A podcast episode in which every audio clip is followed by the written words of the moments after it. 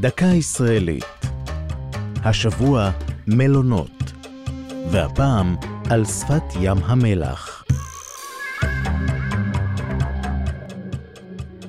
איפה היה דוד בן גוריון כשהיישוב העברי כולו נצמד למקלטי הרדיו להאזין להצבעה באו"ם על תוכנית החלוקה בכ"ט בנובמבר 1947?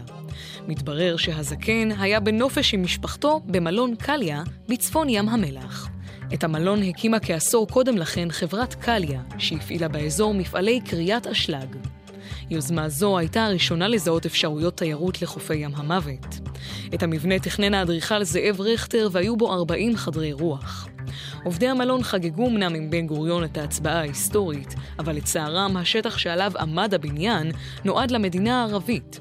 בדצמבר 47 הוחלט להפסיק את הפעילות במקום, ובמהלך מלחמת העצמאות נהרס המבנה עד היסוד. כיום נוטים לזהותו בטעות עם שרידי מלון הילטון הירדני, שבנייניו הנטושים נמצאים במקום. לפני כעשור גילה חבר קיבוץ אלמוג הסמוך, אודי איזק, את מרתף המלון, וזה השריד היחיד. שלט המציין את מיקומו של מלון קליה ההיסטורי מזכיר למבקרים את פנינת התיירות העברית, שיצקה משמעות לראשי התיבות העבריים קליה, קם לתחייה ים המוות.